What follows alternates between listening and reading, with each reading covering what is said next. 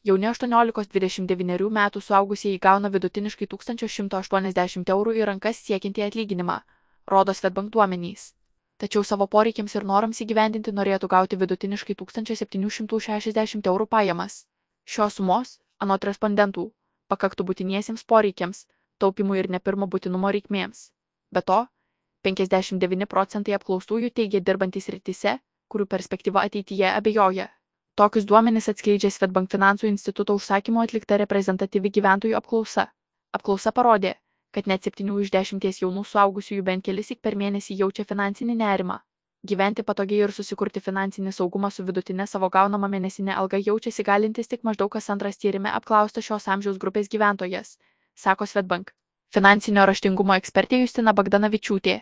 Savo ruoštų Svetbank ekonomistė Greta Ilekytė pastebi, kad nors vidutinės 18-29 metų gyventojų grupės pajamos yra panašios, kaip ir 40-59 metų amžiaus grupėje, jų perkamoji galia ir finansinis stabilumas daugeliu atvejų mažesni. Kaip rodo Svetbank bei valstybės duomenų agentūros duomenys, reikšminga dalis dirbančių jaunų suaugusiųjų gyvena Vilniaus apskrityje, kur pragyvenimas yra brangesnis. Juolap vyresnės amžiaus grupės gyventojai neretai jau turi nuosavą būstą per ilgesnį laiką daugiau sukauptų santaupų. Tuo metu jaunimui dažniausiai būstą tenka nuomotis, o pačioje karjeros pradžioje imtis mažiau apmokamų ar sezoninių darbų, akcentuoja Geilė Kytė. Pasak ekonomistės, jaunų 18-29 metų suaugusiųjų finansiniam nerimui ir didesniems atlyginimo lūkesčiams gali turėti subjektivus savęs pozicionavimas. Jie dažniau nei kitos amžiaus grupės yra linkę save priskirti viduriniai arba aukštesniai viduriniai klasėms, lyginti save su kitais, tad ir finansinius lūkesčius turi atitinkamus. Finansinis saugumas. Ribotas. Tyrimo duomenimis, beveik penktadalis jaunų žmonių nėra užsitikrinę jokio trumpalaikio finansinio saugumo, nekaupia finansinio rezervo, kuris galėtų pagelbėti staigiai sumažėjus pajamoms ar padidėjus išlaidoms. Rekomenduojama 3-6 mėnesinis pajamų dydžio finansinį rezervą nurodo turintys vos 11 procentų respondentų. Kiek mažiau nei trečdalis sako turintys mėnesio pajamų dydžio nesiekiančių santaupų, o 29 procentai respondentų turimo santaupo sudaro 1-3 mėnesinis pajamų dydžio suma. Nors pajamų neligybė skirtingose grupėse nėra didelė, santaupų ir finansinio turto neligybė yra daug didesnė. Svetbank duomenys rodo, kad vidutinė 18-29 metų amžiaus klientų sukaupto finansinio turto suma siekia 1861 eurą.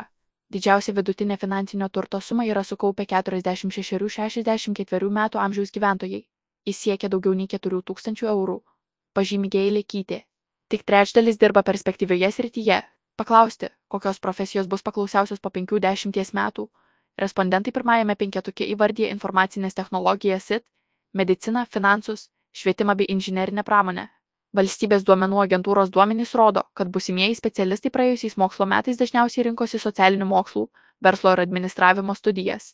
Penketuke toliau reikiuojasi IT, inžinerija bei menai. Tuo metu patys apklaustieji nurodo, kad tarp perspektyviausių įvardytose specialybėse dirba 34 procentai, 59 procentai teigia tokiuose nedirbantys, 7 procentai sako specialybės neturintys. Jauni suaugusieji turi ne tik abejonių dėl savo profesijos aktualumo ilgesniu laikotarpiu, bet ir nuogastavimų dėl to, kokią įtaką jai turės technologijų bei dirbtinio intelekto pažanga. 10 procentų jaučia labai didelę grėsmę savo profesijai, 18 procentų - didelę. Vidutinė grėsmė šio laikinės technologijas laiko 36 procentai, maža 22 procentai apklaustųjų, komentuoja J. Bagdanavičiūtė.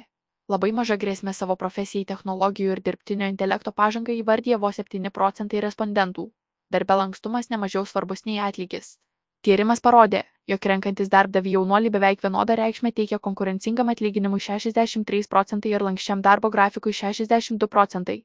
Viena vertus, Jaunoji karta augo geresnėmis ir nuolat gerėjančiomis sąlygomis, palyginti su savo tėvais, tad kitų vertybių ir privalumų reikšmė natūraliai ėmė didėti.